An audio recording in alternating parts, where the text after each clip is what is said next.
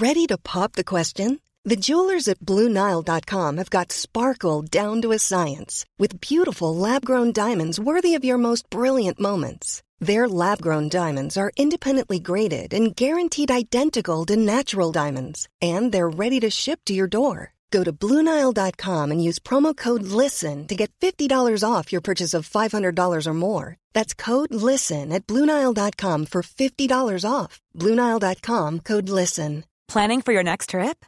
Elevate your travel style with Quince. Quince has all the jet setting essentials you'll want for your next getaway, like European linen, premium luggage options, buttery soft Italian leather bags, and so much more. And is all priced at 50 to 80% less than similar brands. Plus, Quince only works with factories that use safe and ethical manufacturing practices. Pack your bags with high-quality essentials you'll be wearing for vacations to come with Quince. Go to quince.com slash pack for free shipping and 365-day returns.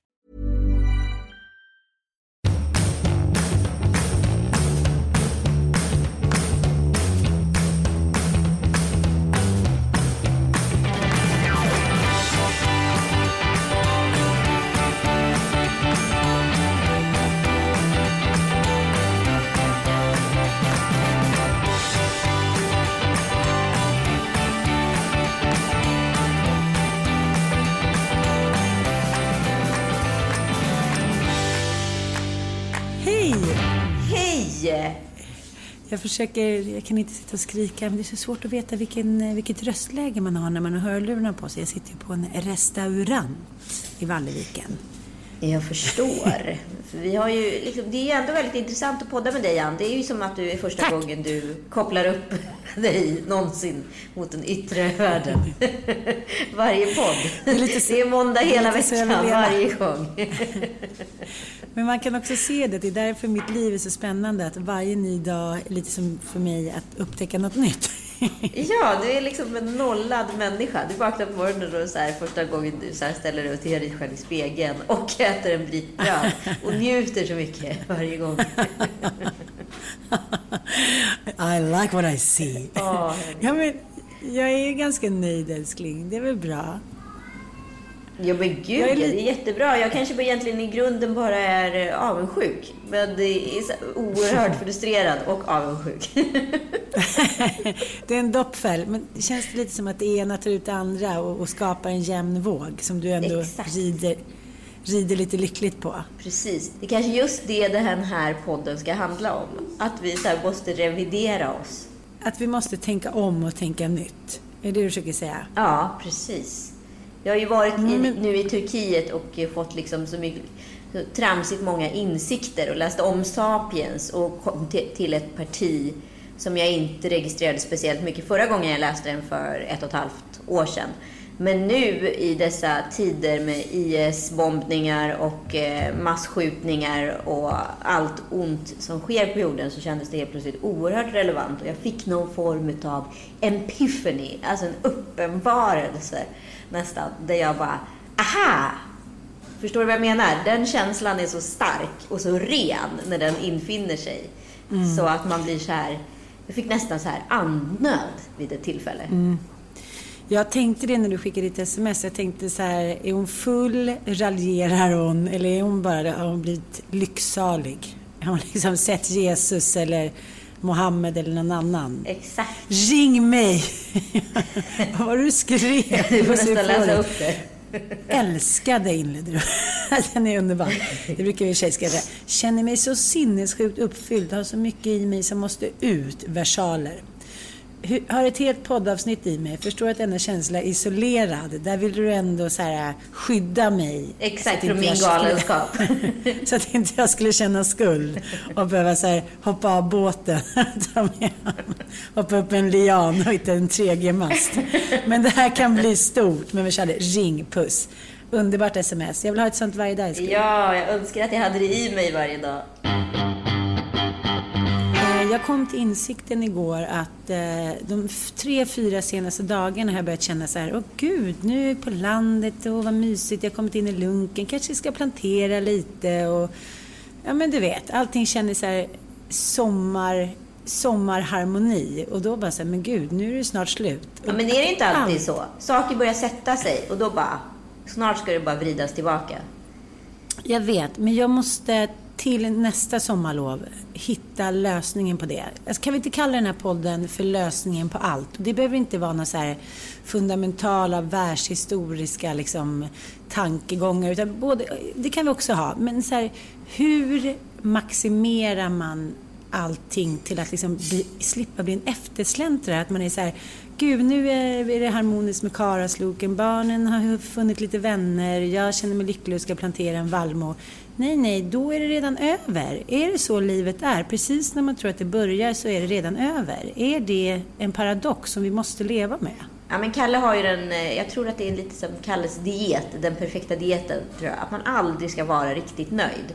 Man äter något så här sjukt gott, men du får aldrig äta liksom den där sista tuggan. Alltså det är lite det späkande i det liksom. Man ska aldrig vara riktigt nöjd. Det är som jag nu, har börjat sova till halv tio. Jag tror inte jag har sovit till halv tio på sex år. På riktigt. Och nu har jag börjat göra det. Och nu vet jag att nu är det liksom fem dagar kvar, sen är det över. Så nu känner du att jag kan aldrig gå tillbaka till att gå upp klockan sju? Eller vadå? Nej men, du, nej men just den här känslan att vara så här utvilad, den har inte liksom mm. infunnit sig i min kropp under så lång tid. Och då ser ju jag vad som händer med mig när jag är så utvilad. Att jag blir så oerhört lycklig. Att jag får så oerhört så skarpa tankar eh, och så vidare. Mm. Som så här, man inte, man måste liksom bara, allting blir ju lite, lite plattare på något sätt när man bara måste tuffa på i vanliga ordinarie lunk. Och nu när man liksom är hel som människa, då ska det liksom ganska snabbt bli en halvering. Mm, men, men jag tänker också att sådana semestrar där man är till exempel två personer.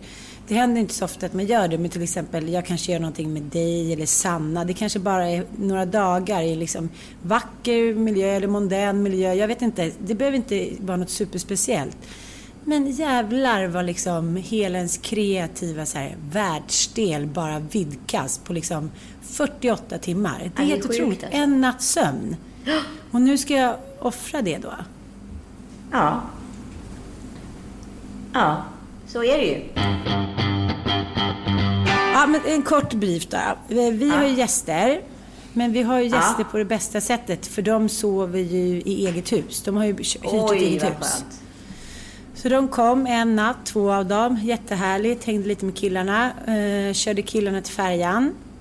Eh, varje gång kan vi bara liksom, vi som lever varannan veckas liv, det gör ju inte du, vilket du faktiskt, ursäkta mig, inte kan sätta dig in i hur det är att någon så här, tar ens barn ur ens livmoder och sätter dem på en båt och man tänker så här, jag får aldrig se dem igen. Och man är aldrig förberedd. Liksom, jag tänker så här, nu ska jag köra dem till båten, ingen fara. Så här, vadå, de har ju varit här, jag är lite trött på dem och nu blir det lite semester och lite ligga och lite hit och dit.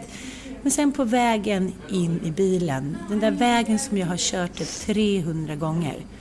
Då kommer det, då börjar jag lipa och försöker dölja det med solglasögon och de märker det och alla börjar ta för att klappa lite och säger så här är alltid mamma, du, du, du vänjer aldrig, du älskar oss så mycket, säger alltid Elon.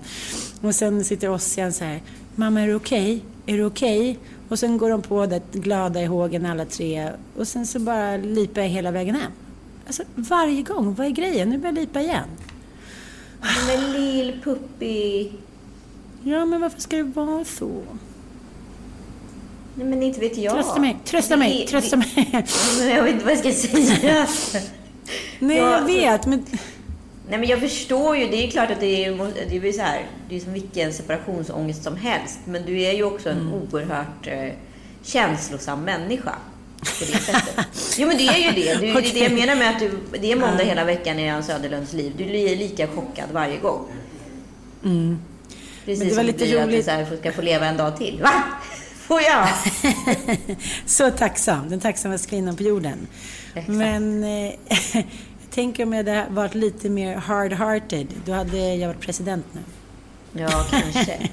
Nej, jag skämtar bara. Men, men, men det, det, det är liksom... Jag tycker att det, det är både liksom en blessing, om man ska säga, och liksom ett, ja, en liten curse. Att det är så. Men, men problemet är också att det är ju en... en anstormning av känslor och det är nya familjemedlemmar och alla ska vara nöjda och alla är inte nöjda och det blir tupp, liksom, eh, tuppfäktning och det blir barn som ska så här, kissa in sitt revir och män. Alltså, det är pågående så att det är också så att när de åker så är jag ju ganska slut. Och då blir det ju som att jag har sagt innan att då tar mitt andra liv vid. Men ja, men liksom... är det inte det att du är så, här, är du så emotionellt dränerad i två situationer? Så att det är det ja. som möts i just det, mm. i just det brytet. Att så här, nu är det både över och något nytt ska börja och du är inte redo för något utav det. Mm.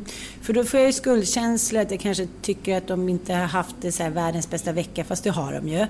Eh, jag tänker som jag borde åkt go-kart, jag borde gjort det, jag borde liksom spelat mer spel med dem. Och sen så kommer liksom det andra livet med Mattias och hans gäng som precis har börjat sin, sitt familjebildande med så här småbarn, första barnet, eh, planering av så här resor till Thailand.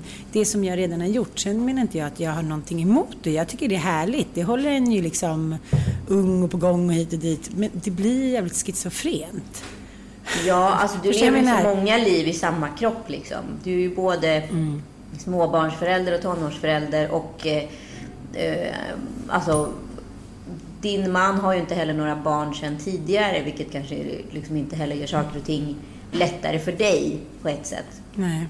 Eh. Men då blir det ju så att den morgonen efter, då ville jag liksom prata om det här, hur ska vi göra bättre till nästa gång? Eller, ja, liksom, vad det nu handlar om så är man ju på något sätt, måste det pysa ut. Ja. Och då blir Mattias, liksom, då är han lite som så här, en liten bomb som så här, ska tändas. Och då så, liksom, ja bomben bara pff, briserar ju och han är så här, måste du ta det här nu? Nu vill jag ta det lite lugnt. Nu är det äntligen semester. Nu är mina polare här. Och då blir det som att jag blir tystare och tystare och den här liksom tejpbiten för munnen bara så här, kopplas på igen. Det orkar man ju inte varje gång. Nej. Och då leder det till liksom, ja, men ett storbråk och hit och dit och man smsar någon kompis och här, han säger bara du vill bara göra, alltid samma sak, du vill bara göra de roliga grejerna och bla bla bla. Och så känner jag så här, gud, är det så att jag bara är så här, ja men du vet, det låter ju, alltså nu ska jag inte vara sån, men det låter ju som att ni skulle vara väldigt bra av att få in en tredje part i er relation som liksom mm. hjälp, extra hjälp på det där skulle ju inte skada liksom. Nej men det är också så här att det som han inte kan se, liksom, som jag sa till honom, du ser inte den stora bilden. Dina bästa kompisar kommer med sina tjejer, de är 29, de pluggar, de frilansar, de jobbar såklart jättehårt men de har ett barn. Ja. Jag har tre barn sedan innan. Jag har Bobban, jag är gravid, jag har ett stort hus, du försörjer inte mig, jag har liksom en frilanskarriär. Det är så här, kan jag inte också få lite cred för att så här, det kan gå fort? Nu sitter vi i det här huset, vem har ordnat det? Eh, det sker roliga grejer. Att du ska då börja gnälla över att jag ska så här, spela in en podd för att det alltid är någonting. Det tycker jag är så här, det är så lågt, det är så futtigt. Så då, då förstår han ju det. Då är han så här, ja det är sant. Ja, då, då säger jag så här, okej då kör vi så här, tre veckors semester varje sommar, en veckas semester på vintern och en på påsken. Jag pluggar eller jobbar 9 till 5 och du cashar in. Då kör vi det istället. Fine with me. Ja, det det är sant, det är sant. Han ser ju bara den helhetsbilden. De här perfekta barnen som kommer i tofsar, eh, klänningarna, maten som är i ordning. Alltså det struckade livet. Han ja. ser ju inte det i paritet till liksom hur lätt det är för dem om man jämför med mig. Och det är där vi krockar liksom.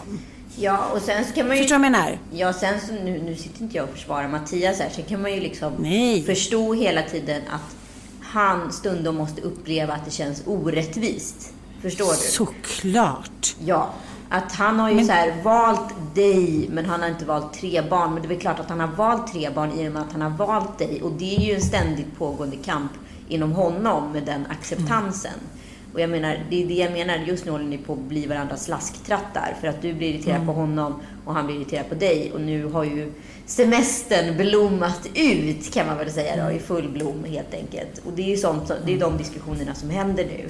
Kalle och jag är också så här Ja, du är inte i närheten av förra årets kris. Det ska jag absolut inte säga är en kris överhuvudtaget. Men jag känner ju liksom att eh, han har ju en del grejer som han borde ta tag i. Liksom. Eh, mm. Och det tycker han att jag också har under tiden jag känner mig mycket mer liksom, färdigbearbetad än honom. eh, det är klart du gör älskling. Nej men det finns ju olika lugn i oss. Det är första gången jag upplever det som att vi är väldigt olika gamla. Mm -hmm. Den har jag aldrig känt förut. Jag känner att han för första gången är yngre än mig. Aha, det har jag alltid känt med Mattias, men det är han ju också. Men, men eh, just för att jag har levt ett liksom, tuffare, längre, kanske mer, inte innehållsrikt liv, men kanske mer nyanserat liv. Ja. Liksom toppar, dalar, himmel, helvete, död, skilsmässa. Alltså det är klart att sånt sätter spår och det är det han också kan eh, klaga lite på att han känner så här, om du bara gör roliga, du är så positiv, ingenting är jobbigt för dig, bla bla bla då försöker jag, som jag säger, för det är också ett töntigt försvar har insett, för det är inte hans liv. Att jag är så här, men, men det är både jobbigt att inse hur jobbigt man har haft det och underbart att man inte har det nu. Men, men de, de två insikterna krockar ju. Det är ju inte bara så här, och tack gode gud, nu har jag det så härligt med min nya man och mitt hus på Gotland. Utan det är så här, det pågår ju det förflutna hela tiden som måste liksom man måste komma ikapp och inte skjuta undan utan plocka fram lite så mörka skuggor lite då och då för att de så ska försvinna på riktigt. Och det, det är ju tyvärr människans liksom eviga så här, sorgegång. Att det, är så här, det är svårt att här, stänga igen dörrar till det förflutna som har så här, gjort saker med en. Och har ja, man då en partner... Ja, precis. Men, men då känner du att du är så hans kloka typ mor? Nej, nej men snarare att tidigare upplevt att så här, vi är väldigt eh, lika och samspelta och det är vi fortfarande. Och vi är oerhört så här, det säger ju inte bara, det är ingen, inte bara en egen upplevelse utan det är också folk som säger, hela, alltid poängterar hur mycket vi är i symbios. Att vi är väldigt så här, synkroniserade rent så här, fysiskt till liksom Ah, vi kompletterar varandra på väldigt bra sätt. Liksom. Men, till utseendemässigt, till... Ah. Ja, men alltså, det, det funkar liksom. Eh, och men nu känner väl jag så att våra mognadsprocesser, och det är egentligen ingenting som har hänt, det är bara att jag har liksom... Nu lever jag för första gången i mitt längsta förhållande.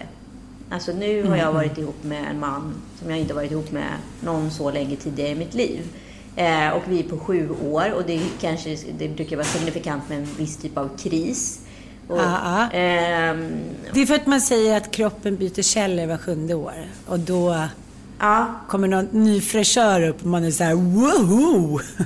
Ja, men så att det är klart att så här, för mig så är det mycket så här, tankebanor på så här, att, alltså för mig handlar det väldigt mycket om så här, att, att vi har vi fixat det så här långt så, så kommer vi fixa det resten av tiden. Men då måste ju han och jag kännas sådär samspelta som vi upplevs. Mm. Just... Känner du att det är en differens av upplevelse Nej, men jag känner att här, jag vet exakt vad, jag, vad han skulle behöva göra. Förstår du? Mm. Och jag vet mm. exakt vad jag behöver göra, men för honom är det så otroligt svårt att se det jag ser och då blir jag rädd. Jag fattar. Kan du ge oss ett litet eh, köttben? Något exempel? Nej, men, liksom, nej, men jag, lämna ut honom. Eh, nej, men, nej, jag upplever att han kan vara ganska så här, lättantändlig. Och jag vet inte riktigt när det ska tända till. Nej, men jag upplever att han är i en ganska så här, känslig fas i livet. Alltså han är lättantändlig och jag hatar känslan av att gå på glas. Mm. Att man inte vet när det ska ske. Eh, för den är så jävla osexig. Och, och otrygg. Och otrygg. Och den tryggheten behöver man för att det ska kännas 100% bra. Eh. Ja, för att man ska vakna upp med bomull i magen istället för en liten spricka. Ja, och också Ja, nej, men det handlar om sådana här småsaker. Vi hade världens töntigaste bråk igår, eh, eller förrgår. Men det var liksom någonting, fanns ändå någon essens i det där för mig. Ja, men till exempel, som igår, då eh, åkte vi bil och eh, han har verkligen noll lokalsinne. Och då säger han att stället vi ska till är det ungefär 25 minuter kvar till. Och då säger jag så här, nej det är faktiskt 10 minuter kvar. Det är bara de här två rödljusen och sen är det upp för backen och sen är det ner för backen och sen är vi framme. Han bara, yeah right, som att det är det. Jag bara, jo. Han bara, så du menar att du kan komma härifrån till destinationen på tio minuter? Jag bara, ja, med allra alltså, största garanti. Och sen så i en nedförsbacke som det är liksom 90, då kör jag 120.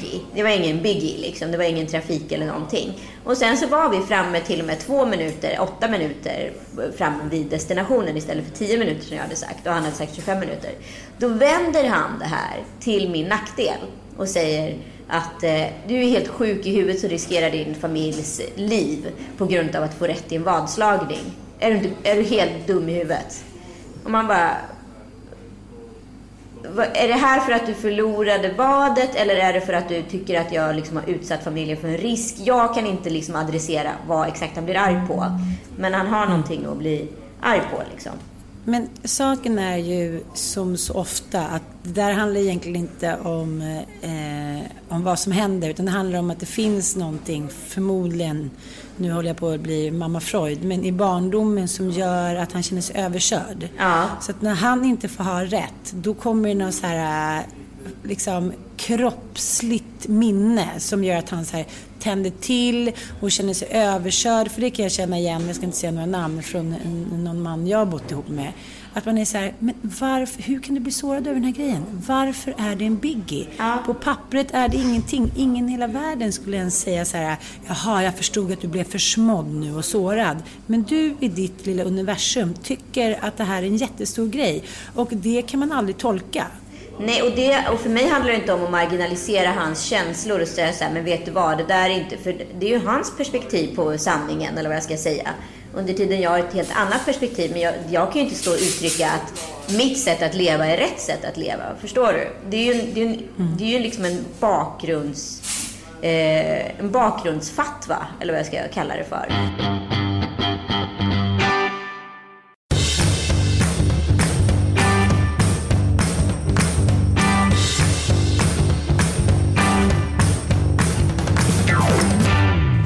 Är väldigt speciellt. När vi var på Gotland så pratade man liksom med Alex och Amanda och Kalle som liksom alla på något sätt lever i skuggan utav väldigt så här, kända föräldrar.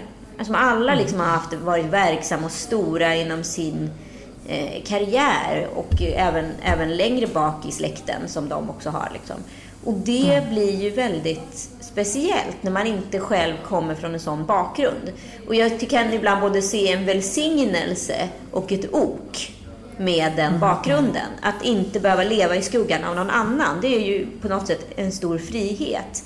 Under tiden det kan vara också så här, gud vad tråkigt att inte ha en historia att berätta, att inte vara så identitetsfylld som de är utifrån de kriterierna. Men jag tänker ofta på de liksom, bekanta eller vänner eller för all del människor man inte ens känner som lever i det där oket. Jag har ju ganska många sådana vänner och bekanta och arbetskamrater. Och så försöker jag liksom sätta mig in i den situationen. Nu har ju inte jag det oket, men det var ändå när jag började skriva så var ju min pappa ändå liksom en, jag menar, en hyllad här, journalist på Expressen. Alltså, ja. Det skulle man ju kunna se som ett hamna i skuggan av någon. Sen kan jag känna så här, gud, jag skulle vilja skriva som den eller jag skulle vilja intervjua som den. Men aldrig liksom i mina föräldrars eller mina syskons skugga. Jag har kört mitt race och liksom, det har blivit som det har blivit. Och det får man vara nöjd eller inte med. Men jag har så jävla svårt att sätta mig in i den där skuggkänslan. Ja, har du det? Ja, ja, det har jag verkligen. Men jag kan också se att den både skapar ett driv och en ångest. Alltså det upplever jag ju med alla de här personerna. Att den är lika mm. liksom närande som tärande. Eh, att hela mm. tiden mm. vilja få sin far eller mors bekräftelse som har jobbat inom samma liksom, skrå, eller vad man ska säga. Eh, mm. Samtidigt som så här, det skapar det perfekta kontaktnätet, det skapar den perfekta liksom, trampolinen att ta sig så långt som möjligt. Eh, men hela tiden var så himla... Så här, oavsett vem jag än träffar så är det så du är Allans son eller Lisettes barn eh, och så vidare. Att hela tiden vara liksom någons barn på det sättet är ju väldigt speciellt.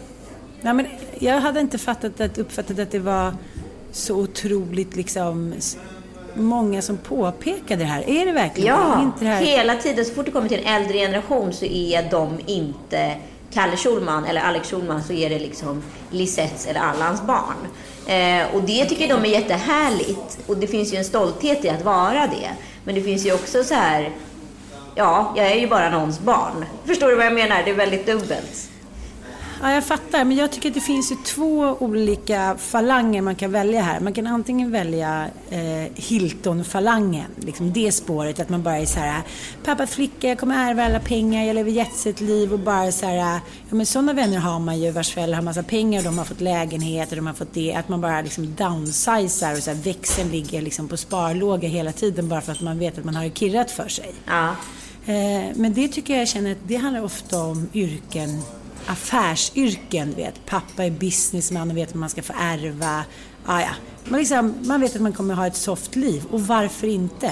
Men just barn till kreativa människor, det är de som verkar ha den där piskan i ryggen. Ja, här, exakt. Jag måste skapa någonting som, som folk minns. Och man minns ju ett affärsimperium, men det känns liksom... Nej, men det, det är, exakt helt... det. Exakt det. Mm. Att det är liksom mm. de kreativa som mår dåligt. Och det är väl mm. också liksom yrkesvalet utav det hela. Eh, att, att eh, jag har massa kompisar också som är liksom ja, arvingar eller arvtagare, eh, eller blivande arvtagare liksom, till stora förmögenheter och också haft det väldigt bra under sina li livstider. Eh, och de är så otroligt odrabbade utav det här, eller så är de otroligt bra på att liksom dölja det. Men jag har upplevt att de känner inte alls samma ok att bära familjens mm. fana vidare. Mm. Liksom. Eh, att tåga på och liksom göra eh, släkten stolt. Eh, men liksom, jag menar, i Kalles familj så finns det så här, två nobelpristagare historiskt. Alltså deras ett är från, kan man spåra till 1300-talet. Ja, men det är ju så sjukt. Det är krigsherrar, fältherrar, eh, genier, vetenskapsmän, författare, bla bla bla. Och, och jag, jag, kan tänka mig att så här, och jag kan ändå bli avundsjuk på den biten i och med att här, min historia med mig börjar ju från noll. I och med att jag är adopterad och inte riktigt vet vad jag, mina rötter är. Liksom. Så det är ju... Jag tror att du är släkt med Gandhi. Det tror du. Eh, nej, men, och det är ju... Det är lite lika. Ja, tack så mycket. Eh, Varsågod. nej, men, och det är ju jättehärligt att kunna veta det. Men samtidigt så är det så här, det kan ju skapa ett oerhört komplex också. Vem fan blev jag? Mm. Eller så väljer du bort den vägen och bara känner så här, fan, jag är happy lucky liksom Schulman. Nej, men jag tänker att jag lever lite enligt mitt guldfiskbeteende. Jag stänger ute vissa fakta för att kunna leva i mitt guldfiskliv där jag ändå är oväntat lycklig ja. ibland. Om man ska tänka på liksom förutsättningarna. Inte längre, men hur det har varit. Liksom. Det har ju räddat mig många gånger från att behöva bli en yogis eller från att så börja fasta och liksom, eller bli kristen eller bara lägga mig ner och dö. Eh, vilket jag då omfamnar på något sätt. För det har ju också skapat en, eh, liksom, en tillflyktsort för det kreativa. För att, här, att vara kreativ när man är riktigt olycklig, det är ungefär som att sitta med så här, en fatwa på huvudet. Man bara... Ja. Alltså, det går ju inte. Men om jag till exempel kollar min släkt, då är på pappas sida är det ju bara liksom bönder och säljare och kärar och liksom farmor var ju adopterad bonddotter och liksom Nej, men hon kunde aldrig riktigt jobba för hon förstod aldrig riktigt hur man gjorde så att hon fick, ah, hon kunde inte laga mat heller. Hon fick, ah, ja, hon fick spela Bingolotto och vara liksom härlig och rolig och dricka lite whisky typ och ligga lite. Ja men alltså hon var en väldigt enkel människa och sen på mammas sida var det ju inte alls på samma sätt men jag tror inte att det finns några nobelpristagare liksom. Morfar var ju så här byggmästare i stan men han dog ju tidigt av hjärtattack och liksom, det finns ingenting som ligger på mina axlar men det som finns är ju att min far då i den här liksom säljfamiljen nästan med analfabeter och liksom bondbarn och hit och dit får en gyllene penna. Ja. Alltså det är det han får. Han får bollsinne som jävla platini eller på att säga och han får en gyllene penna från ingenstans. Så om han nu kanske hade liksom eh, C, D, A, B, F i varenda betyg så är han liksom en briljant skribent och en briljant liksom, fotbollsspelare. Och det höjer ju honom upp över mängden i en liten stad som Katrineholm. Plus att han är skitsnygg liksom. Så att han får ju alla brudar, eh, guld och härligheter erbjudande hit och dit. Liksom. Men sen tror jag skillnaden är när man inte har vuxit upp i ett akademiskt hem eller liksom ett hem med manners. Eller vad ska man säga, någon form av så här, släkten går tillbaka tyngd. Då vet man inte riktigt vad man ska göra av sin gudabegåvning. Nej. Så jag tänker så här, varför skrev man inte en bok? Eller liksom, varför tackar inte jag till det där chefsjobbet? För att de vet inte riktigt hur de ska förvalta saker. För de bara liksom lever hand ur mun och alltid gjort. Och det har jag och min syrra sett, så det har ju blivit precis tvärtom. Vi är så här maniska, vi ska skapa, kreera, allting ska gå snabbt. Vi, är så här, ja, men vi vill tjäna pengar, vi vill klara oss själva. Vi, vill liksom, ja, vi är precis tvärtom, inte rädda för någonting sånt. Liksom. Så jag tror att det är det som är den stora skillnaden. Men där kan jag känna så här, jag fick hans liksom, penna. Alltså förstår du vad jag menar? Jag fick den begåvningen att för mig är det som att skriva som ett rinnande vatten. Och jag är otroligt glad över den och jag omfamnar den tusen gånger om. För jag tänker så här, när jag är 73 ska jag sitta på mitt lilla chateau, eller chateau, min lilla stuga i Toscana och skriva risiga deckare eller något annat liksom. Och Jävla många liksom, pensionärer kommer bo i Toscana och Nice när vi blir pensionärer. du bor i huset bredvid, du har lite större hus. Alla har samma dröm, det är så roligt. Men jag tänker på det att man tänker att man har kommit över en gräns och då tänker man nu kan det hålla för alltid. Nu är, eh, lämnar jag ut min granne här, men jag får det. Så att, eh, hon blir inte arg, jag ska inte säga hennes namn. Men men min granne här på landet eh, har blivit då lämnad av sin man. Ja. Eh, helt liksom blixt från klar himmel. Och där är en väldigt beläst och smart och liksom sansad kvinna. Så att hon, här, hon har lagt upp en strategi. Hon är i total chock. Hon bara sov själv för första gången i natt. Nu fick ett sms. Jag somnade faktiskt. Strategi en timme i taget. En del timmar till och med riktigt bra nu bla bla bla, nu ska hon åka till Beyoncé. Eh, hon var på middag igår och då sa hon så här, ja ah, men jag, idag har jag liksom onanerat så jag har fått orgasm. Så oxytinet går ut över kroppen så att man liksom mår bättre. Det har varit en bra dag. Hon är liksom, hon är forskarstrateg även i det här ögonblicket av kris och kaos. Ja. Och jag tycker det är, liksom, nu vill jag använda uttrycket sexigt, men det här är ju Alltså trots allt kaos, jag ser ju på henne, hon håller ju på att gå sönder liksom. Jag känner mig orolig för henne. Men i det här så har hon bestämt sig för att även om de där känslorna blir översvallande och tar över så har hon hela tiden en jävla strategi. Och det, det var ju det som hände mig nu också. Att jag och mitt ex försökte lämna varandra 63 gånger per år men det gick inte för att den här svärtan och sorgen och Romeo och Julia-komplexet bara satte klorna i oss. Men, men, den här gången gjorde jag upp en strategi. Jag startade en träningsblogg, jag skaffade en PT, jag planerade resor långt fram, jag såg till att umgås med mina bästa vänner hela tiden. Jag tog liksom rygg på människor som liksom skulle ge mig något annat än typ party och ångest dagen efter. Sen gjorde jag ju det också såklart, men det kan man ju få göra. Jo men vadå, jag tror inte alltid bara på den ena vägen. Jag tror att man måste ha lika mycket av båda. Absolut. Men nu håller vi på att skicka artiklar till varandra för att hon var så här, äh, att hon tänker precis tvärtom. Att så här, äh, nu har vi kommit över, de har varit tillsammans i liksom typ 11 år. Nu tänker hon att nu har jag, alltså jag har investerat så mycket i den här mannen trots att vi är så olika. Han är liksom han är fårbonde, eh, han är inte akademisk. Många är så här, men gud, hur kan du vara ihop med honom? Hon är såhär, det skulle man ju aldrig säga till en kvinna. Men så fort det är tvärtom, att man själv är över, liksom, ja, men över utbildning, då blir alla så här, oj då, vad får du ut av honom? Och jag tänker ofta på det där att det är det som är det geniala. Liksom. Att när man träffar någon som inte är i samma bransch som en själv eller har samma liksom, tänk, ja men då man, måste man ju få så otroligt mycket ut av varandra. Liksom. Ja, För då tycker ju den att allt man berättar är spännande. Ja, men hon säger så hon är ute i världen och forskar, så kommer hon hem Eh, till, till deras hus med den här liksom, fårbonden som är så superpassionerad i det han gör. Så det är väl också den stora skillnaden att så här, om man bara är passionerad i vad som helst, om det handlar om att liksom göra tändsticksskepp eller liksom valla får eller vad det handlar om, så kan man liksom ha det bra med världens bästa människa. Det är liksom, det är de avstängda, döda människorna som det är svårt att liksom fortsätta upprätthålla en passion med. Mm. Men så, som med Kalle nu liksom. Då är du orolig att han inte ska liksom steppa upp ett steg utan han ska vara den här eviga tonåringen som bara så här, tänder till, går på ingivelse, bla bla bla bla bla. Och så där kan jag också känna lite Mattias, att jag säger, men förstår du nu vad jag menar? Nu målar jag upp en vision, ett spektra för dig. Ja, det är sant. Jag bara, kom på det själv någon gång. Jag orkar inte alltid vara den som så här, säger din sanning. Förstår du vad jag menar? Men sen å andra sidan så säger han en massa sanningar till mig. Så jag vet inte, man kanske också överdriver det där att man själv har alla insikter. Ja, kanske i sitt liksom, i sin folla. Men han har ju massa insikter om dig å andra sidan, Kalle Balle liksom. Eller?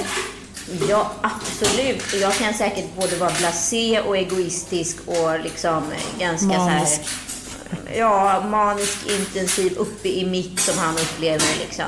Men det är ju det är också för att vi har liksom en obalans just nu eh, på jobbet, att han eh, inte tycker... Ja, men jag tror det återigen för att så här, koppla an på Mattias, att man känner att det blir istället för att man unnar sin partner att det är all framgång, även om man säger det rent verbalt, så kanske man inte känner det i sig och då skapas det ett gnag. Han har inte varit lika lycklig i sin yrkessituation som jag har varit liksom, på ett tag.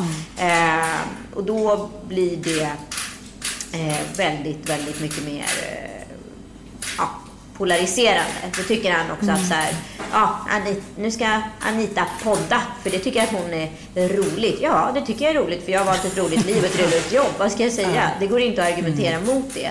Men det är också någonting så här, jag har ett leveransansvar mot mina lyssnare. Skulle jag strunta i det, då, är, då behöver inte jag hålla på med det jag gör. Nu är det jag som har skapat den här karriären och då får jag väl leva med den helt enkelt, hela vägen ut.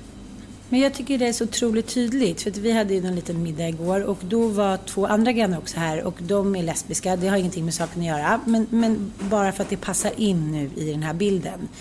På slutet av kvällen, runt ett-tiden, så berättade de en historia om sitt liksom, liv. Som var skitspännande. Eh, och det de sa då var att de berättade ja, men, anekdotiskt om sitt, de har ett barn och hur det var då i början för de spelade då in en film. Ja. När de hade en liten bebis och hit och dit. Och eh, ofta när man hör en historia berättas mellan man och kvinna då är det så här, ja jag fick vara pappaledig för hon hade så mycket att göra. Jag var med och det var skitjobbigt, vi blev båda helt slut. Att det ska berättas, inte i negativa termer, men som att det är någonting som är onaturligt, att mannen fick offra sig, att det är så här ska egentligen inte vara, men nu gjorde jag den här heroiska insatsen för att min fru skulle kunna göra det här som hon drömde om. De här två berättade, eller de här, de här kvinnorna då som var ett par berättade det på ett liksom helt annat sätt. Ja, det var jävligt jobbigt och jag sprang in och ut och skulle amma och din mamma fick ju vara med. Tur att det funkade för han var ju liksom en ganska crazy bebis. Alltså de gick in i varandra och berättade om så här, det här gick vi in med tillsammans för det var din, det var liksom din dröm och min dröm. Det var ingenting som så här, det var skitjobbigt, vi höll på att liksom eh, stressa ihjäl oss. Men så här, vi gick ju in i det här och satsade i det här för det här var vårt livskapital. Vi ville så gärna det. Ingen blameade den andra, ingen tog på sig någon ära, ingen la över någon skuld. Det var bara så här, och nu efteråt så bara är vi så jävla glada att vi har gjort det här. Jag tyckte bara att det kanske var, man tänker ofta att det är lösningen på allt, leva med en kvinna, för att man är så förstående för varandra. Men, men, men det är ju någonting med det här tvåsamheten, att vi alltid har stått ett steg tillbaka som kvinnor och männen har varit så här, åh, nu är jag hemma, kan jag få tofflorna och min lilla grogg liksom. Det har ju varit så fram till ja, 70-talet liksom. Ja, exakt. Men, men det är det egentligen den här podden skulle handla om. Nu känner inte jag riktigt att vi hinner med det, för att det är ett sånt Nej. otroligt stort... Vi kan teasa, älskling. Vi kan teasa lite till kommande lille lördag, att vi ska prata om att jag har sett ljuset.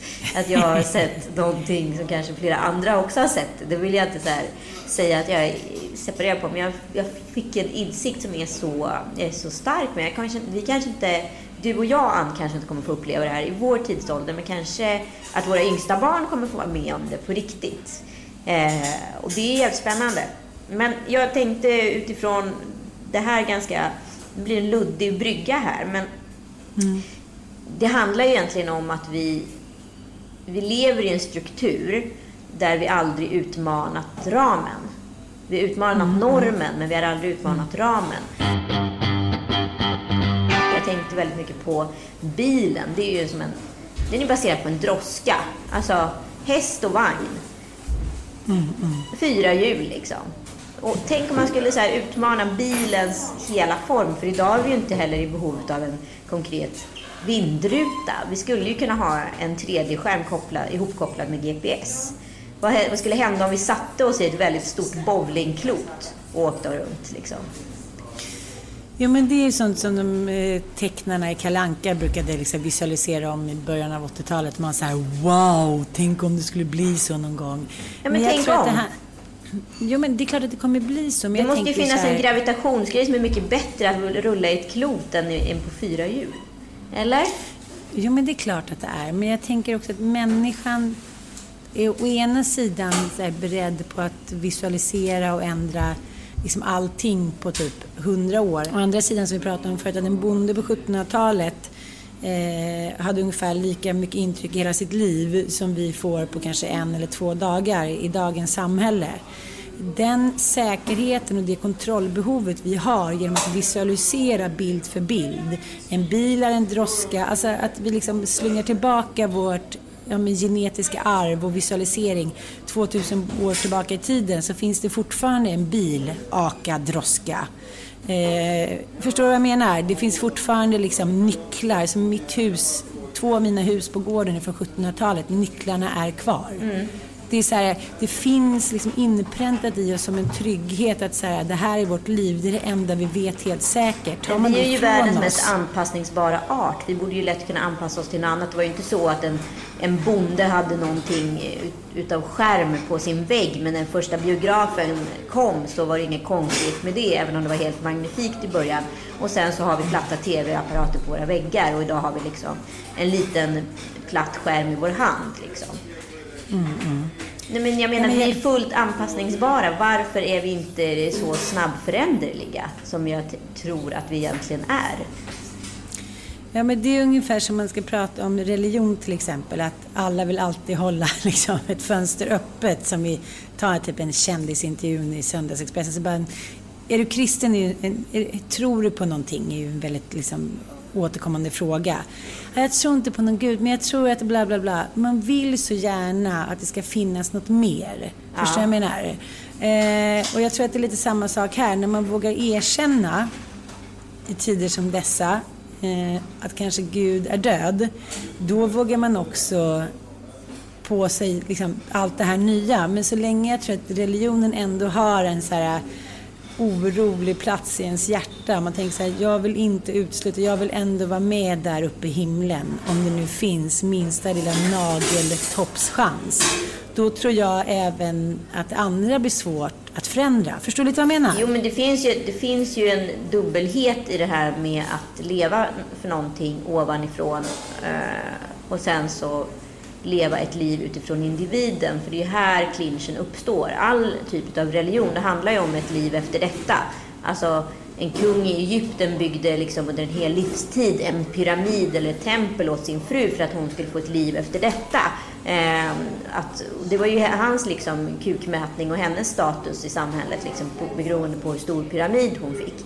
Men, eh, gärna för mig. Gärna för mig. Men, men så gör ju inte vi. Idag köper ju en man en resa till Paris. Alltså vi lever ju för det liv vi har och den upplevelse vi har. Vi lever ju inte för ett liv efter detta. Och då är ju religion en problematisk grej. För att liksom utifrån kristna värderingar är vårt lagsamhälle uppstyrt utifrån kristna värderingar eller vilken, vilken religion du än tillhör, är liksom samhällsstrukturer uppbyggda.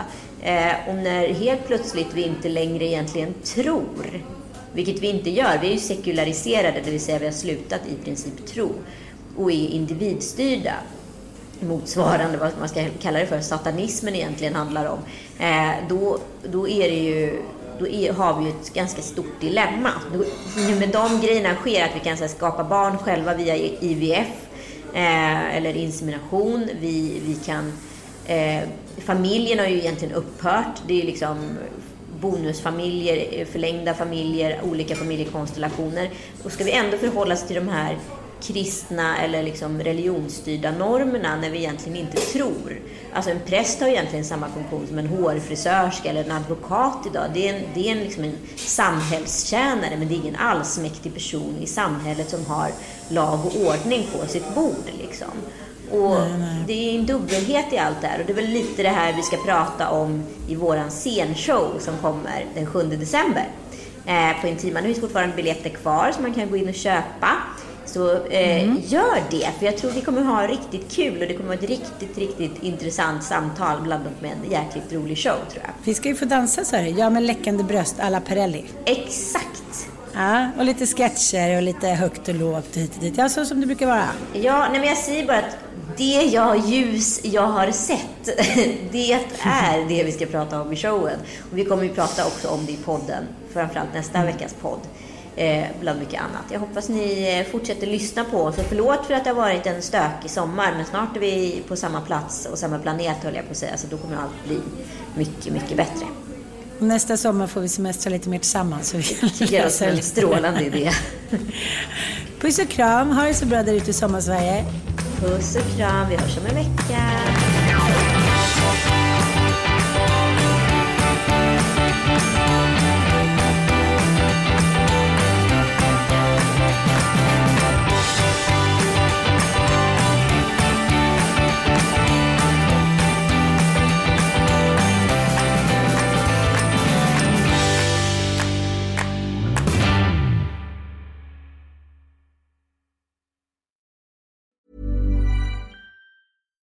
Deserves the best, and there's no better place to shop for Mother's Day than Whole Foods Market. They're your destination for unbeatable savings, from premium gifts to show-stopping flowers and irresistible desserts. Start by saving 33% with Prime on all body care and candles. Then get a 15-stem bunch of tulips for just $9.99 each with Prime. Round out Mom's menu with festive rosé, irresistible berry chantilly cake, and more special treats. Come celebrate Mother's Day at Whole Foods Market. Flexibility is great. That's why there's yoga. Flexibility for your insurance coverage is great too. That's why there's United Healthcare Insurance Plans. Underwritten by Golden Rule Insurance Company, United Healthcare Insurance Plans offer flexible, budget friendly coverage for medical, vision, dental, and more. One of these plans may be right for you if you're, say, between jobs, coming off your parents' plan, turning a side hustle into a full hustle, or even missed open enrollment. Want more flexibility? Find out more about United Healthcare Insurance Plans at uh1.com.